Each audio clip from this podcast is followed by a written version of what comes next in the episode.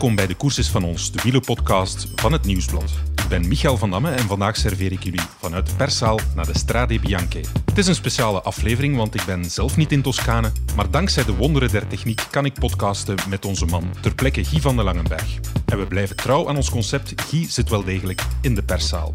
In deel 2 van onze podcast trek ik naar onze chef wielrennen Wim Vos, een man die altijd een stapje achteruit zet en de gebeurtenissen in de koers vanuit een breder perspectief bekijkt. Dat gaan we ook nu doen. Andiamo.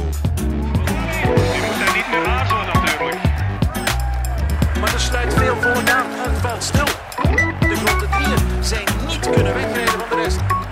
Dit is je kans, man. Ewan, Van der Poel, Schachman, Alaphilippe, Greg van Avermaat. En Stuiven zit erbij. Nu wordt het interessant.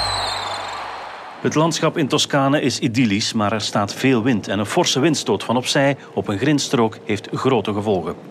Wereldkampioen Julian Alaphilippe gaat over de kop en hij is niet de enige die valt. De term massale valpartij is een understatement. Nog 100 kilometer, Alaphilippe moet achtervolgen door de stofwolken. Toerwinnaar Tadej Pogacar is er wel nog bij, maar heeft duidelijk ook op de grond gelegen. Alaphilippe keert terug in het peloton en heeft nog zin in een aanval, maar er komt een antwoord van niemand minder dan Tadej Pogacar. En de toerwinnaar gaat door in de afdaling. Je gaat toch geen solo rijden? Toch wel, nog 50 kilometer op deze manier heeft nog nooit iemand de Strade Bianche gewonnen. Pogacars elleboog draagt de sporen van die val, maar 20 seconden voorsprong worden een minuut. Een minuut wordt anderhalve minuut. In Siena hield Tadej Pogacar uiteindelijk 37 seconden over op Alejandro Valverde en 46 seconden op Casper Asgreen. Een geweldig nummer dus van een geweldig coureur. En dan is het passend om te bellen met een geweldige collega. Ja, dag Guy, waar zit jij momenteel? Vertel eens. Ik zit in Lido di Camaiore. Dat is de startplaats van Tirreno Adriatico, waar ik Aha. op de perszaal zit. Ah, voilà, kijk. We hebben onze belofte gehouden in de perszaal.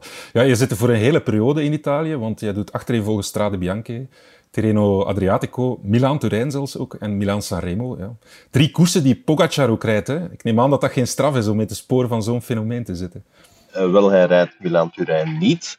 Ehm, maar de andere drie uiteraard wel. Enfin, heeft hij al gereden. En als je, eh, als je naar de Bianchi zag rijden, dan is het eigenlijk wel een straf om een, in het wiel van Tadej Pogacar te zitten. Maar, ja, die is gewoon niet te volgen. Die is niet te volgen. Ja, nee, eh, heel straffe zegen. Hoe was de reactie daar eh, onder journalisten, perszaal? Eh, jij hebt het allemaal meegemaakt nadien ook, ook met hem gesproken op de persconferentie. Ja, toch een beetje ongeloof. Ongeloof, omdat ja, in Strade, dat kan gebeuren uiteraard, maar hij heeft Strade door van op 50 kilometer van de finish aan te vallen. En dat was nog nooit eerder vertoond. Eh, ja, gewoon een, een fenomenaal nummer. Ja. En ook een onverwacht nummer.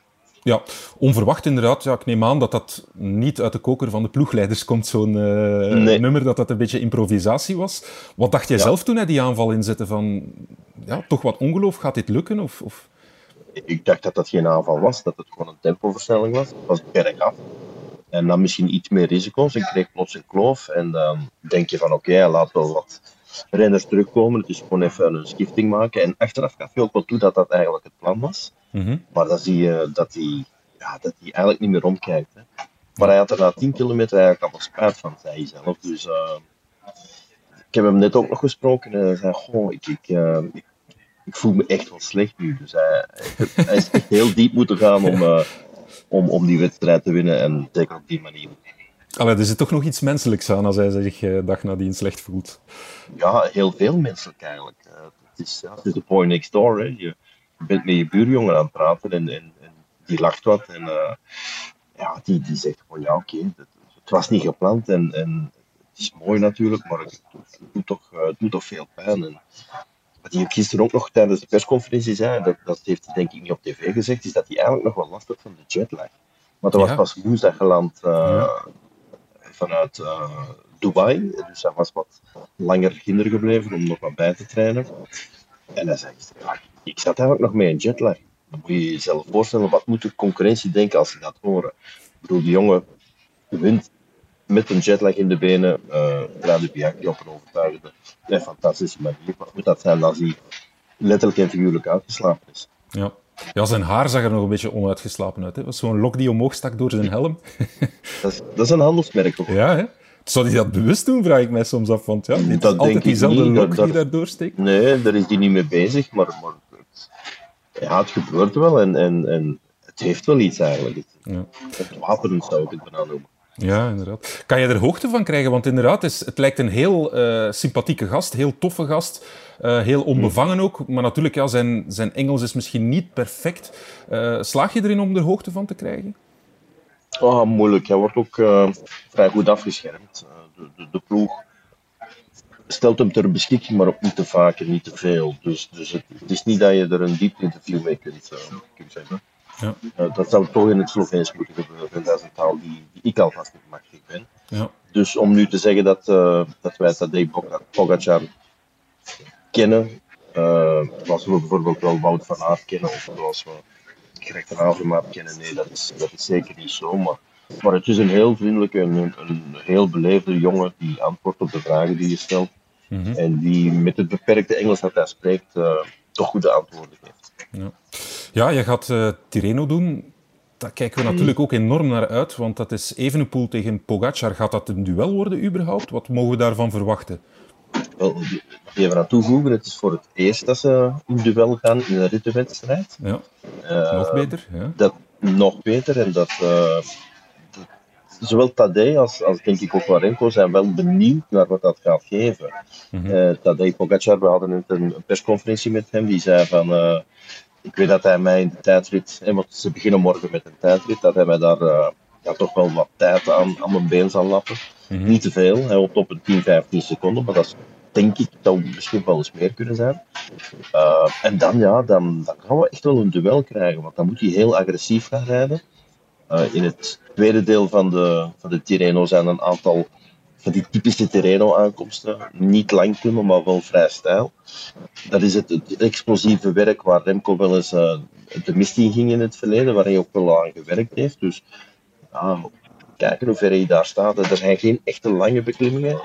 De langste slotklim is eentje van 6 kilometer. Wel uh, lastig, heel lastig, vrij stijl ook. Dus ja, het is uh, echt wel iets om naar uit te kijken. Zo, ja. Sowieso omdat het eerste duel uh, Pogacar-Evenepoel is. En ook omdat het toch de mannen zijn van wie we hopen, van, van Pogacar weten we het al, van, van Remco hopen we, dat die de toekomst ook wel uh, een grote ronde, een, een, heel belangrijke rol kan spelen. En ja. Ik zeg niet dat het Tirreno richtinggevend zal zijn daarin, verre van, maar het is toch een, een wedstrijd die, uh, die hij en wij uh, hebben aangekruist.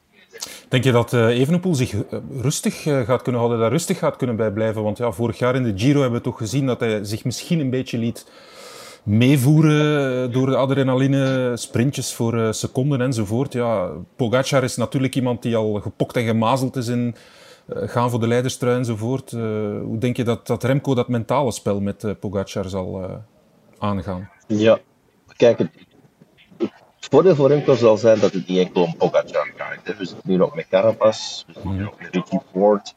Dus er gaan ook nog wel andere renners zijn die zich gaan mengen in die strijd. Dus het, het gaat niet enkel om Remco draaien. Maar om nu bijvoorbeeld te zeggen, die, uh, die bonusseconden waar hij in de Giro voor streed, dat zal hij denk ik ook wel moeten doen hier in de Tirreno. Want ik denk dat het echt wel een, een spel van seconden gaat worden. Dus deze keer zou het niet zo dom zijn om voor, voor de seconde te sprinten. En om terug te komen op de Giro van vorig jaar, die kwam gewoon te vroeg. Ja, Remco okay. was daar fysiek niet klaar voor. Uh, voor deze Tirreno is hij wel klaar. Mm -hmm. Dus ik, uh, ik denk wel dat hij heel goed omgaat met die situatie. De ploeg zal hem er ook zeker in begeleiden. En ja, het, het gaat gewoon een mooi duel worden. Met niet enkel Pogacar, maar toch ook ja, Carapaz, toch ook uh, podium in de Tour gereden. Mm -hmm. Richie Ford podium in de Tour gereden. Tau Geoghegan Hart is hier, maar dat zal er nog maar een gerecht hebben. Die heeft ooit de Giro gewonnen, dus het echt wel een, een, wedstrijd om naar uit te kijken. Ja, mooi. Gelukzak dat je die mag uh, verslaan. Goed, uh, terug naar de um, even. Ja, er zijn ook minder mooie dingen gebeurd. Hoewel, de valpartij van Julian Alaphilippe was wel spectaculair om te zien. Die salto. Maar op 100 kilometer van de streep, plots werden wij opgeschrikt. Ik ja, had de tv net opstaan, denk ik. Op Strato 5 al, massale valpartij. Dat was de wind die daar uh, schuin zat, blijkbaar. Hè? Met, met toch ja. ernstige gevolgen, of valt het nog mee allemaal? Als je de beelden ziet, denk je van Alaphilippe, die, die ligt eruit voor een bepaalde tijd. Mm. Uh, dat valt dus wel mee. Ik, ik heb nergens melding van breuken. Uh, Tiesbenoot laat Tirreno Adriatico links liggen, omdat hij net iets te, te veel schade heeft opgelopen, maar dat is meer carrosseriewerk. Gianni Vermeers moet ik eigenlijk nog afwachten, maar die, die zijn rug staat blijkbaar vol met putten van de valpartij. Hè, Die is echt pal op zijn rug gegaan en, en dat zag er dan schijnbaar niet goed uit. Ook zijn elleboog is, eh, is, is een zeer diepe vleeswonde, dus die is genaaid geworden. Dus voor Gianni, ik zeg het, as we speak weet ik nog niet of hij morgen van start gaat in Tirreno Adriatico. Ik hoop voor hem van wel. Maar uiteindelijk, ja, valt die schade toch wel mee als je Ja. ziet allee, hoe spectaculair het was nu. Valt grind misschien iets achter dan, dan asfalt, ik weet het niet. Eh, de meeste gingen ook echt wel in de kant, dat was een graskant. Dat kan ook wel geholpen hebben, dus, dus de schade valt wel mee, maar het, het was spectaculair. en Het was ook tijdens de wedstrijd zelf eh, Ja. ja. richtinggevend en beslissend. Enfin, veel renners beslissend. Ja, Pogacar was ook gevallen, maar als je dan de beelden opnieuw bekeek, zag je dat hij eigenlijk vliegensvlug terug op de fiets zat. Hè, terwijl Alaphilippe echt langs de kant stond en heel veel tijd verloor. Dus in die zin ehm, ja, heeft hij minder krachten verloren, Pogacar, natuurlijk, na die valpartij. Dat klopt. Dat klopt. Ja. Maar Philippe heeft lang moeten achtervolgen en heeft zelf een, een cartouche moeten verschieten om terug te komen tot in het peloton van de favorieten. Pogacar was daar veel sneller. Die, hij zei zelf van ja, enkel mijn, my, my handlebar was 90 degrees. Zijn, zijn stuur was 90 graden gedraaid. Dus Ja. ja, daar kon ik niet meer fietsen, daar heb ik even werk aan gehad. Maar, maar voor het overige was hij redelijk snel terug. Ja. Het stond umbrella, het stond paraplu. Klopt. Ja, zoiets. Eh, het was niet het enige straffennummer, dat van eh Tadej Pogacar. We gaan luisteren naar een ander strafnummer. Lotte Kopecky. Lotte, can you take us through that final kilometer, how it went, or the final 500 meters? Um, yeah, pretty painful. um, but I knew I um, I had to follow Annemiek. Um, and yeah, on the, on the steep part, uh, the pace was really high. At one moment, I thought, yeah, I cannot do this anymore. But I heard Anna screaming in my ear that I had to keep the wheel from Annemiek. And um, yeah, I could come back a bit to the wheel. And then when we turned to the right, I passed uh, Annemiek. But then the other corner, she passed me again, and it was just one big sprint to the final corner. And uh, yeah, I think I was in a good position to be on the right side. This is your biggest victory, of course. And what does it mean to you, and what does it mean to Belgian cycling, women's cycling? Um, yeah, to me it means a lot. Um, I mean, I joined this team as it works. Yeah, to be able to, to be in the mix for for yeah for the winning in really big races like this. Um, and yeah, I mean, um, having a team behind me um, and racing this way is yeah something I really love. And um, I think for Belgian cycling, um, yeah, I really see already now that there are so many um, yeah support from from people, um, and I really hope that I can um, yeah get more little girls on the bikes um, yeah with victories like this. Ja, bijzonder goede vragen vond ik dat trouwens ook in eh, dit interview. Ja, sommige mensen stellen goede vragen. ja, je was erbij, hè, inderdaad. Hoe straf is deze zege, Guy? Want iedereen is, is, is lovend. Het is niet zomaar een overwinning. Het was, het was heel straf en, en heel betekenisvol. Hoe moeten we dat inschatten? Ehm, zoals je het zelf zegt, heel straf en heel betekenisvol. Strade Bianchi is toch, denk ik, tussenuit gegroeid bij de vrouwen misschien wel tot de meest gemediatiseerde klassieker. Ook bij de mannen, maar, maar misschien nog meer bij de vrouwen. En als je dan kunt winnen, dat is al heel belangrijk. Maar je kan winnen, enfin, stoemelings is veel gezegd, maar je kan winnen dat je denkt van oké, je mag wegrijden uit de groep van favorieten op, op 10 kilometer van de finish en je blijft voorop. Maar het was een, een vrouw tegen vrouw duel met Annemiek van Vleuten toch wel ja, de meest, eh, meest succesvolle renster van het voorbije decennium. En het, was dan ook echt schouder tegen schouder. Het, het, het was ja, niet remmen om toch als eerste die laatste bocht in te gaan. Aan het eind van hè, de Via Santa Catarina, de klim naar de Piazza del Campo, dat is echt loodloos zwaar. Je ziet ook de, de, de concurrentie eindigt op, op 15, 20 seconden. Om daar te winnen van Van Vleuten op zulke aankomst, op zulke manier, dat is, eh, dat is richtinggevend voor de carrière van Lotte. Dat is heel belangrijk voor het Belgisch vrouwenwielrennen. En ook heel belangrijk voor het wielrennen de koer. Want ja, mocht Van Vleuten weer gewonnen hebben, en, en ja, als serieel, ja, dan, dan begint er zo wel een, een, een sleur in te komen van, goh ja, het is weer anemiek, het is weer anemiek. En, en nu komt er plots een nieuwe naam tussen. En het is dan nog eens een Belgische, ja, dat maakt voor ons heel leuk.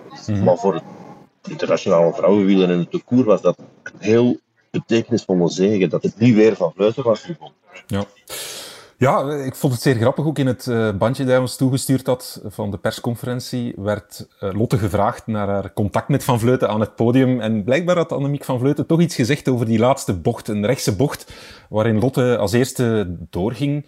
Ja, en dan moest Van Vleuten ja. even inhouden en dat heeft ze eigenlijk niet meer kunnen goedmaken. Is dat een gerechtvaardigd manoeuvre of was er toch sprake van enige obstructie? Wat vind je ervan? Een gerechtvaardigd manoeuvre. In de zin van, Kopecky ging als eerste de bocht in en mag dan de lijn bepalen. En zij besloot om die bocht ruim te nemen en Van Vleuten wilde hem korter nemen. Maar Kopecky had ook zoveel snelheid. Ze mocht niet remmen, want als ze remde was ze verloren. Nee. En, en dat is ook, weet je, uh, je moet respect hebben voor Annemiek van Vleuten, maar je mag er ook geen ontslag voor hebben. Waarmee Mhm. ik bedoel, dus als je die bocht ingaat en je weet dat je eerst die bocht moet ingaan, dan rem je niet. En Lotte remde niet en moest daardoor de bocht breder nemen. En sneed daardoor de pas af van Van Vleuten, die de bocht korter wilde nemen. Ehm, een geoorloofd manoeuvre en, en, en ja, een zeer mooi manoeuvre ook. Ja, inderdaad. Het was een spurt naar die laatste bocht en zij heeft eigenlijk die spurt gewonnen. Punt uit. Hè. Ja. Ja, wie, wie daar als eerste doorkomt, is al gewonnen. Voilà. kan niet meer passeren in de laatste 100 meter. Nee. Die is bergaf. Ja. Dus daar kan je niet meer passeren. Zeg, Lotte die heeft daar overstap gemaakt van Lift Racing naar SD Works. Wordt wel eens gezegd het quickstep van het vrouwenwielrennen. Grotere ploeg. Is dat een, een gouden zet voor haar geweest? En, en komt er nog meer moois aan dan? Maar ik denk dat gisteren al bewezen is dat het een gouden zet is. Ehm, en ze zaten toch, de laatste groep van 20 racers zaten ze toch telkens nog met drie racers bij. Dus Lotte zelf, Chantal van den Broek, Debbie Vollering. Eh, ik vergeet er misschien nog, maar bon, dat betekent dat je kan spelen. Hè. Lotte heeft eh, kunnen rusten op momenten dat ze misschien anders had moeten werken, mocht ze niet in die ploeg hebben gereden. Er zijn ploegmaats die vooruit zijn gaan rijden, waardoor zij in de zetel kwam te zitten. Dus het, er zijn alleen maar voordelen. Het nadeel, als je het al een nadeel kan noemen, is dat ze ooit ook wel in de positie zal komen dat zij de vlucht van een, van een ploeggenoten moet beschermen. En dat ze niet voluit de kans kan gaan, maar ehm, dat weegt niet op tegen de voordelen die zij, die zij nu ondervindt. Ja, twee spectaculaire zegens. Dan is dat veel werk voor eh, de journalistenplekken. Maar heb jij toch nog een restaurantje kunnen opzoeken? Of is het een driehoeksboterham geworden gisteren? Ehm, wel, ik sliep niet in Siena zelf, wel in Monteriggione, wat ik u trouwens kan aanbevelen. En ons eh, boutiquehotel, Casalta, in eh Trove, een trazione, dus een gehucht van Monteriggione. Ik zelf over een, een, een treffelijk restaurant. Je kan in Toscane, Toscane, zeg ik dat goed Michael? Is het Toscane? Toscane, dacht ik. Ja, ja. Toscane, voilà. je kan daar eh, eigenlijk niet slecht tegen. Dus het Nee. was een, een prettige maaltijd. Ja, ja, fantastisch. Goed, Guy, geniet van Italië, geniet van die prettige maaltijden en geniet ook hopelijk van de prestaties van Remco Evenepoel. Dank voor jouw kundige uitleg alweer. Gaan we doen. Ciao a tutti. Ciao. Voor deel 2 van onze podcast praat ik met chef wielrennen Wim Vos, maar we gaan eerst luisteren naar een andere baas. It's the first time that I will do uh, Flanders, uh, but I'm pretty excited. It will be a really good experience. Um, but that race is uh, a lot different than this one. It's a classic ride with the classic riders, uh, fight for position and stuff like this. It's going to be a tough one. Ik ga maar één vraag stellen. Je hebt gisteren een keer aan de straat, een koers die u volgens mij ja, nou aan het hart ligt. Wat is de conclusie van de heer Pogacar die straks tegenkomt in de Ronde van Vlaanderen? Ja, uh, een nieuwe topfavoriet zeker. Zei hij lachend. ja, nee. Uh, zo straf wat hij doet gisteren natuurlijk. Uh, zeker omdat het best gesloten wedstrijd was. Ik dacht al dat de wind een grote rol speelde. Dat is veel, veel latere schifting als anders. En uh, bij de eerste beste aanval uh, rijdt hij de rest uh, eraf en ze hebben hem niet meer teruggezien. Dus ja, indrukwekkend, dat is eigenlijk geen andere woorden. Ook een waarschuwing voor u voor de ronde, bij manier van spreken. Die is debutant in de ronde. Ik was al op mijn hoede voor iemand als hem. Ik denk, hij heeft al meermaals bewezen dat hij niet enkel grote rondes kan winnen, maar ook in een dagskoers super sterk is. Ja, Pogacar en de Ronde van Vlaanderen, dat is nu de grote discussie. Pogacar houdt de druk nog een beetje af. Het is zijn eerste keer. Maar uh, Wout van Aert houdt toch al rekening met hem. Moeten we daar rekening mee houden voor de Ronde van Vlaanderen? Ik zou er alleszins rekening mee houden. Ik ben een beetje de theorie van uh, Roger de Vlaming genegen. Ja. De man die zegt dat uh, elke heel goede coureur alles kan rijden en alles kan winnen. Mm. En um, ja, ik denk dat dat zeker ook geldt voor Pogacar. Ja. En parcourskennis, is dat in de ronde? Want dat is eigenlijk wat, wat er gezegd wordt. Ja, de ronde, daar speelt parcourskennis toch veel meer mee dan Strade Bianche, waar het... Uh, wat breder is, waar het allemaal wat overzichtelijker is. Dat zal zeker niet in zijn voordeel spelen. Anderzijds, ja, in de huidige, huidige tijden waar je alles, alle technologie kan helpen, waar je via ja, alle mogelijke softwareprogramma's parcours op voorhand kan inladen, kan bekijken. Je hebt een heel professionele omkadering, UAE, die ook niks aan het toeval gaan overlaten. Er is nog altijd Ellen Piper, de man die helaas wegens gezondheidsredenen niet meer in de staf zit, maar die, als het echt nodig is, nog wel eens een, uh, een hint zal geven, denk ik. Ja. Uh, er is Trentin in zijn ploeg, ook iemand die hier de weg in Vlaanderen perfect kent. Dus hij heeft wel wat hulp rond zich, Ja. uh. Um, plus, ja, parcourskennis is, is, is uiteraard belangrijk. Maar eenmaal dat je in die finale zit en enkel de beste blijven over, ja, dan wordt dat ook relatief, Ja. denk ik. Het zal een beetje, vooral tussen kilometer 100, kilometer 40, ja, daar moet je inderdaad zien dat je de beslissende slag niet mist, dat je niet op een gegeven moment echt op een plaats zit waar je niet mag zitten. Mhm. Dat is misschien nog belangrijker dan te weten waar je wel moet zitten, is waar je niet mag zitten. Uh, maar als je dat overleeft en hij gaat die laatste ronde in de Ronde van Vlaanderen in. En hij is er nog bij, dan zal Wout van Aert niet gerust zijn. Nee. En twee jaar geleden, Alaphilippe, dat was ook zijn eerste ronde. En als daar geen motor rijdt, dan uh, wie weet. Oh, dat is het, eigenlijk het beste voorbeeld. Hè. Ook iemand die in een ploeg zit. Natuurlijk nog wel meer bij Quickstep dan bij UAE. Zat die in een ploeg die, waar werkelijk iedereen de weg weet in Vlaanderen. Maar daar zie je wel, als je maar goed omkaderd bent, goed voorbereid bent en je bent gewoon ja, een heel sterke renner, ja. ja dan, dan ben je erbij en doe je mee voor winst. Ja. Goed, rekening houden met uh, Pogacar in de Ronde van Vlaanderen. Het is wel straf natuurlijk. We spreken hier over een tweevoudig toerwinnaar. Hoe lang is dat geleden dat we nog van een toerwinnaar konden zeggen in de Ronde van Vlaanderen? Ja, die speelt mee. Strade Bianchi nu ook. Uh, noem eender welke klassieker en hij kan meedoen. Hè? Klopt, klopt, klopt. En ik kan me vergissen, maar ik denk het niet. Ik denk dat de laatste regerende toerwinnaar, of überhaupt toerwinnaar die een hoofdrol ja. gespeeld heeft in de Ronde van Vlaanderen, dat dat uh, ja, Eddy Merckx is. En dat zal ook allemaal wel geen toeval zijn dat we ja. die namen noemen als Oei, het over ja. gaat. dat is het perfecte bruggetje naar ja, de grote discussie die ook alweer woedt. Pogacar, ja, kan hij de, de vergelijking doorstaan met Merckx intussen? Sommigen zeggen, ja, is de nieuwe kannibaal, de nieuwe Merckx. Dat wordt natuurlijk de pas en de onpas uh, gezegd. De nieuwe Messi's lopen ook uh, breed gezaaid. En nu de nieuwe Merckx. Maar kunnen we, kunnen we van Pogacar dat nu wel zeggen? Ja, absoluut. Hè. Ik denk ja. dat wel. En ja, ik, vind absoluut, ook dat die, ik vind ook dat die vergelijking mag gemaakt worden. Koers oei, oei, zijn, je, je beseft koers, nu dat je tegen heel veel heilige huisjes en schenen gaat schoppen. Koers is entertainment, koers is, zijn ja. verhalen en daar horen ook vergelijkingen bij. Over alle generaties heen. Ik doe niet mee aan de theorieën van je mag maar geen Wim, generaties... kunnen toch generaties niet vergelijken? Absoluut wel. wel? Okay. En als je dan die generaties vergelijkt en je... moet wel zeggen... Ik dacht, hij uh, is nu 23,5, laten we zeggen. Mm -hmm. En ik dacht hier uh, voor de micro te kunnen zeggen van ja, hij staat verder dan Merckx op die leeftijd. Maar ik ben toch een beetje geschrokken van ook wat Merckx gewonnen ja. had al op, uh, op, toen hij op die, diezelfde leeftijd, ja, 23,5. Ik heb het lijstje hier eens bij mij genomen. Twee keer Milaan Remo, een keer Gent-Wevelgem, Parijs-Roubaix. Wereldkampioen geworden en een Giro gewonnen. Dat is niet slecht natuurlijk. En dan in het jaar dat hij eigenlijk 24 werd, ja, dat was zijn grote jaar, hè, 69. Ja, dat wilde ik er nog aan toevoegen. Dan had hij nog geen Tour de France gewonnen, maar ook om de simpele reden dat hij nog geen enkele Tour de France gereden ja. had. Dus het is in het jaar dat hij 24 wordt, het ja, laten we toch maar zeggen, legendarisch of mythische wielerjaar ja. 1969, dat hij ja, heel die erenlijst die ik nu net heb opgestomd nog eens bijna verdubbeld ja. in één jaar, met dan ook uh, de Tour te winnen. Dus ik, mijn theorie was een beetje van Pogacar is beter dan Merckx, maar dat moet ik laten vallen. Um, maar hij komt toch minstens in de buurt. En ik denk niet dat er ooit één renner al geweest is die op die leeftijd in de buurt kwam. Ja. Als ik de verdediging voor Pogacar kan opnemen, drie ritten in de Vuelta, twee eindzeges, zes ritzeges in de Tour ook. Luik, Basnaak, Luik, Lombardij en nu de Strade Bianchi. Ja, niet slecht, hè? Helemaal niet slecht. In een tijd, als we dan toch over verschillende generaties spreken, dat het wielrennen veel internationaler Ja, ja. was dan um, in de tijd van, uh, Eddy Merckx en Roger de Vlaming. Ja. We moeten tegenwoordig spreken over de tijd van Eddy Merckx. Ik heb het ook in mijn eigen krant Ja. gelezen. Ja. Nee, maar het straf is natuurlijk ook dat eh Pogacar eh, hij rijdt dat UAE-tour. Hij heeft daar ja, eh, concurrenten die niet min zijn.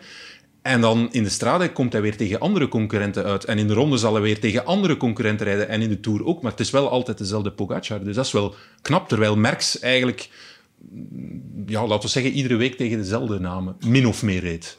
Klopt, klopt. Dat ook al. En ja, het feit dat iemand in deze tijden nog een, een, een seizoen kan rijden van februari tot oktober en waar hij start, waar hij zijn zinnen op zet, maar eigenlijk dus ook waar hij start, wint hij of doet hij absoluut mee voor winst. We zijn het al bijna vergeten, maar vorig jaar na de Tour gaat hij ook naar Tokio en wordt daar derde in de wegrit Ja. achter eh, Wout van Aert. Moet dus zijn uiterste best doen om hem in de spurt Ja. af te houden. Ehm, En dat is dan ja, geen winst, maar dat pakt hij ook nog brons. Tussendoor wint hij, zoals je zegt, wint in februari in de UAE, in maart doet hij de Tirreno. Komt Luik Bastenaken-Luik, wint hij de Tour. Enfin, ik moet het hele lijstje niet nog eens opzommen, maar dat is, dat is, dat is fenomenaal. Dat is bijna ongezien. in de laatste... Ik dacht dat je Merxiaans ging zeggen. Dat zou je kunnen zeggen, dat ga ik nu niet gebruiken, Ja. maar het is alleszins ongezien in de laatste Ja. 20, 25 jaar. We nemen natuurlijk nu de foto op het moment dat hij nog heel jong is. Hè. Bekijken we die situatie en waarin hij inderdaad een heel seizoen kan presteren. Maar gaat hij dat blijven kunnen volhouden? Gaat hij toch niet op een bepaald moment keuzes moeten maken? Het lichaam dat wat ja, ouder wordt, eh, Wellicht. extra concurrentie. Wellicht wel. Ehm, dat is een beetje de evolutie die elke carrière doormaakt, denk ik. En Ja. je komt op een gegeven moment in een fase in je carrière dat waar je start, doe je mee. Je hoeft niet te toseren of... ehm, maar kijk nu naar Alaphilippe, die komt al een beetje in de tweede fase van Ja, zijn carrière, ja. waarin hij ja, een beetje meer doelgericht moet werken naar die, die wedstrijd. En je ziet dan ook in de Strade zaterdag, zonder daar grote conclusies uit te trekken, maar ik denk dat zijn hoofddoel dit jaar, of zijn eerste grote hoofddoel, de Waalse klassiekers zijn. Ja, en dan komt hij toch een beetje tekort Ja. om meteen mee te doen voor winst in de Strade. Iets wat hij, neem de Alaphilippe van drie, vier, vijf jaar geleden, dan deed hij dat ook mee, onmiddellijk. Wij zitten ook al een beetje in de fase in onze carrières dat wij onze doelen moeten kiezen. Hè? Dat het niet meer allemaal kan, hè, Wim? Ik vrees dat je helemaal gelijk hebt. Nee, Eh, je had mijzelf eh, nog eh, een naam gesuggereerd, inderdaad, die we in beeld rijden hebben. Was voor mij, moet ik toegeven, toch wel een beetje een nieuwe naam. Ligt het aan mij? Ik weet het niet. Carlos Rodriguez Cano, een jonge snaak van 21 jaar. Dat ligt volledig aan jou en Michael. Ja, dat ligt aan mij, excuseer. Nee, nee, nee. ik denk voor heel veel mensen, ook Ja. voor mij eigenlijk wel. mij eh, gesterkt door de vele luisteraars die nu ook uit eh, de lucht vallen. Ehm, Het was voor mij wel een vrij nieuwe naam. Ja, Eh, Spanjaard van Ineos. Spanjaard van Ineos. Nu, als je de voorbije weken keek, zag je al wel dat hij heel goede resultaten in de Ruta del Sol in de top 5, vierde dacht ik in Ja, het algemeen ook, klassement. ja, Ehm, woensdag in die Italiaanse openingswedstrijd met de onuitspreekbare naam Leguelia of zoiets. Ik denk dat je er vrij dicht tegen zit, Wim. Ja. Daar eh, deed hij het ook al heel goed, ook top 5, dacht ik. Ehm, dus ja, het is inderdaad alweer zo'n jongen van, hij is amper 21, Hmm. die er heel, heel vroeg staat. hè. Ja. Ja, die reed in de achtervolging op eh Pogacar. En ja, eigenlijk sterk. Ik dacht op een bepaald moment hij gaat zich laten inlopen, maar die bleef maar gaan. En ik zou het eens moeten nakijken, maar zeker en vast top 20 of zo nog eindigen. Top 20, hij is Ja. nog wel een beetje teruggezakt. Ja, heb goed, ik, eh, maar dat vergeven maar het was wel knap. Brani heeft hij ook. Dat is ook typisch voor die generatie natuurlijk. Ja, dat is echt wel opvallend. Het is ook niet meer helemaal nieuw, maar het blijft toch frappant hoe al die ja, piepjonge renners, jongens van 21, 20, 19, Mhm. dat die meteen staan, meedoen, zelfs winnen. Ik heb hier eh, eens een aantal namen opgeschreven. Magnus Sheffield, Ja. jongen van 19, wint de rit in de Ruta del Sol. Quinn Simmons, de jongen die gisteren ook weer een, een, erbij was vooraan in de Strade. Ehm 20 jaar, de tweede keer dat hij dat doet. Vorig jaar Mhm. was hij 19, zag je hem ook al in beeld. Vanmiddag wint Arnaud Delis, eh je kan wel zeggen maar de grote prijs Montserrat, maar 19 zijn renners. Ik had vorige week toevallig een interview met eh, Cyril Lemoine, een Fransman van Fantastisch. 38 Ja, de jaar. laatste geworden in de omloop. Laatste geworden in de omloop. Hij heeft een carrière, ik dacht, was als een 18 of 19e seizoen bezig. Die heeft in zijn hele carrière geen enkele wedstrijd gewonnen, die jongen. Had Ja. meer dan 1200 wedstrijddagen, Ja. denk ik. Als je dan kijkt, 19, het is dan, ik zeg maar, de Montserrat. Maar je wint wel. Ja. Ehm, zo kan je nog een aantal namen noemen van jongens die er ja, op hun negentiende, twintigste meteen staan. Ja. Dus wat je eigenlijk wilt zeggen is van, ja, dit, dit begint een fenomeen te worden, of... Ja, we hebben zo lang gedacht, en dan denk ik meteen aan de naam van Evenepoel, dat dat zeer, zeer uitzonderlijk was. Dat je al kon winnen, staan op je 20, 21. Voor alle duidelijkheid, het blijft... Je, je hebt er geen duizend elk jaar, of ook geen twintig elk jaar. Ehm, maar je ziet wel dat het ja, couranter wordt. Ehm, dat het niet meer zo heel uitzonderlijk is. Een paar jaar geleden won Bernal de Tour op zijn 22e. Ehm, en dan vonden we dat allemaal fenomenaal. Een beetje later kwam dan Pogacar, die dat, dat dan nog straffer overdeed. Maar zoals ik zeg, ja, je ziet steeds vaker renners die... Oké, ze winnen niet de Tour, maar ze doen wel mee in grote wedstrijden op die leeftijd. Ehm, dus is, ja, ook, ik kan nog naam noemen. Hè. De, de Spanjaard Ayuso, Ja. die ehm, ook in die Italiaanse openingswedstrijd het zeer goed deed de Ja. voorbije week. Ook 19, maar als ik me niet vergis. Ehm, ja, het is echt niet meer zo uitzonderlijk zoals het een paar jaar geleden was. Moeten we dan zeggen, ja, Remco toch niet te veel geduld hebben? Of is dat dan weer... Ja, ik weet het niet. We mogen niet te streng zijn. Ik Ja. heb al grote discussies met vader Evenepoel over gehad. Die Ja. zegt van hij heeft nog tijd, hij heeft nog tijd. Ja, En hij- ja. uiteraard heeft hij nog tijd. Hij is net Ja. 22 geworden, heeft nog zeeën van tijd. Alleen ja, je hebt wel namen, jonger dan hem, die ook al meedoen in die wedstrijden. Dus wat ik zeg, je mag niet meer als een uitzonderlijk vroeg talent, vroeg rijp talent blijven afschilderen. Het is iets wat we steeds vaker gaan zien. Ja. En het is ook eigen aan sporten. Hè. In de gymnastiek of in het zwemmen bijvoorbeeld komt men heel vroeg. Dus misschien is die dynamiek van de koers gewoon een beetje aan het veranderen. We zullen dat zien, maar die jongens die nu op jonge leeftijd schitteren, waar zullen die staan op hun 233, 34? Misschien is het best er dan af en is de wielersport gewoon geëvolueerd. Dat dat Dat zou best wel eens Ja. kunnen. Ik, ik heb altijd gevonden dat eh wielrennen eigenlijk een van die weinige sporten was waar je vrij laat tot volle wasdom kwam, om Ja. het zo te zeggen. In het voetbal is het eigenlijk heel normaal dat je op je negentiende al in de eerste elftal staat. En zo is het in heel veel sporten. Wielrennen was, kwam er altijd wat later. Ja. Je werd top op, vanaf je 4, 25, had dat Ja. topjaren tot je 30ste. En nu zie je dat het allemaal naar voren opschuift. Dat je Ja. 21, 22, 23 en je doet al helemaal mee. Ja. En de vraag zal dan zijn binnen vijf, zes, zeven jaar, wat met die jonge gasten op een, op een dertig? Dat is de vraag. Ik heb er een theorie over. Hoor. Ah, Ehm, dat die, eh, volgens mij doen de carrières een enkele uitzondering na altijd tien jaar. Als je staat Ah. op je 20, dan kan je presteren tot je 30. Ja. Sta je op je 25, dan kan je tot je 35 presteren. En als je kijkt naar iemand zoals Sagan, die stond er, laten we zeggen, 2009, 2010. 2019 was het beste vanaf, mogen we vaststellen. Een Van Avermaat die stond er wat later. En die heeft dan ook wat later, langer zijn carrière kunnen, de topjaren kunnen laten duren. Maar zelden dat een echte topperiode in een carrière langer dan tien jaar duurt. Ja. En wie was er tweede in de strade, Wim? Oké, dat zijn dus de uitzonderingen waar we het over hebben. Alejandro Valverde dus, inderdaad. De uitzonderingen die de regel bevestigen. Voilà. Zeg Wim, normaal gezien was de bedoeling, we hebben woord gehouden en in de perszaal eh, gebeld met eh, Guy van der Langenberg, dat wij ook in een perszaal gingen zitten. De naam gestand van deze podcast, maar we zitten nu bij jou thuis. Jij ging de eh, grote prijs Montserrat coveren normaal gezien. Maar plots ja, gebeurt er iets en eh, wordt dat plan helemaal omgegooid. Lotte Kopecky, die, is, die heeft dat plots helemaal in de war gestuurd met haar fantastische zegen. Vertel, jij bent vandaag bij haar geweest. Ja, inderdaad, vanochtend. Ehm, we hadden haar de vraag gesteld. We hoorden dat ze gisteren zaterdagavond al teruggekeerd was naar België of we vandaag eens niet mochten langskomen. En eh, gelukkig kan dat nog. Dat Ja, je- ja. Dus vanochtend ben ik even bij haar thuis geweest, ergens in het Meetjesland. Ja. Ehm, om eens na te praten over Ja. de zegen van gisteren. Ja, ik ben benieuwd wat. Enfin, eh, de podcast wordt gepubliceerd als de krant ook gepubliceerd wordt, dus we moeten geen schrik hebben voor de concurrentie. Maar ja, wat heeft ze allemaal gezegd of wat was jouw indruk de day after? Wel, wat mij altijd frappeert, ehm, als je dan, ja, wat was het, 16 uur na haar zege bij haar thuis kwam, Ja. dan toch, een, laten we eerlijk zeggen, een historische zege, zowel voor haar als voor het Belgische wielrennen, of vrouwenwielrennen alleszins. Strade een absolute grootse wedstrijd geworden.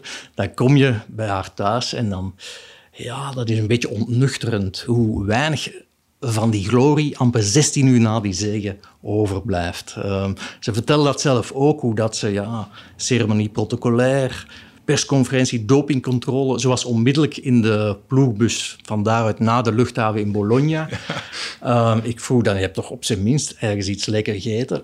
Nee, dat was dus een broodje op de luchthaven geworden en een Snickers had ze zichzelf gepermitteerd. Um, om 11 uur s'avonds was ze op de luchthaven van in Zaventem geland, kwart voor één thuis. Ja.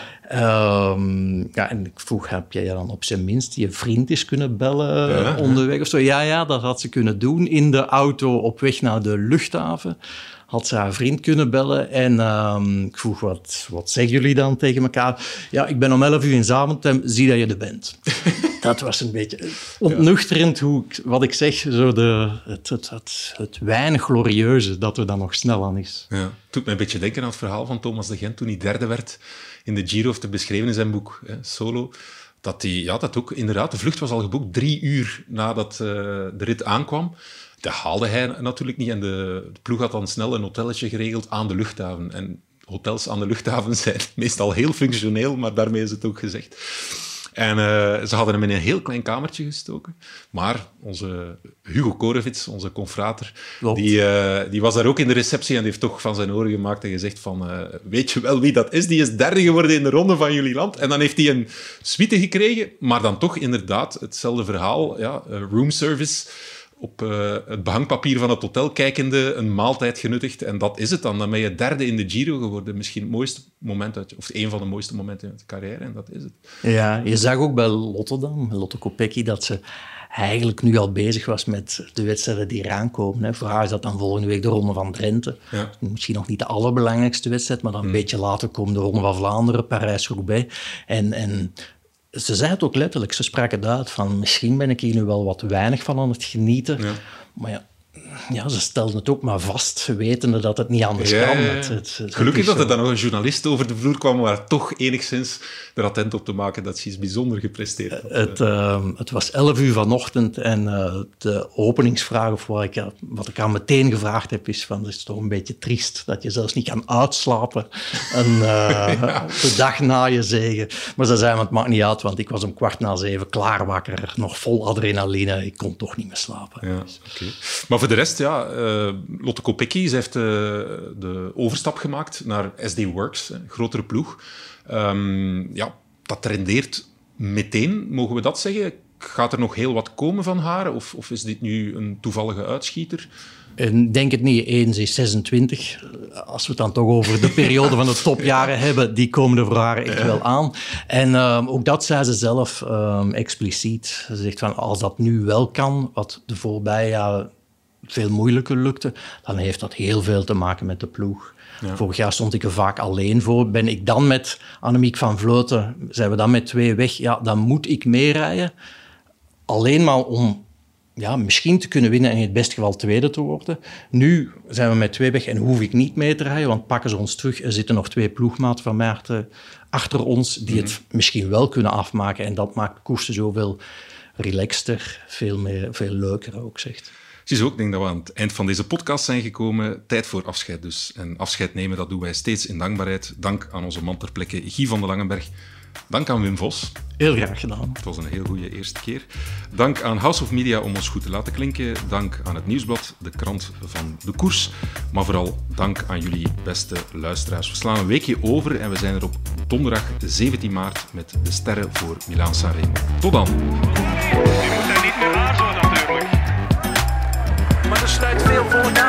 stil. De grote drieën zijn niet kunnen wegrijden van de rest.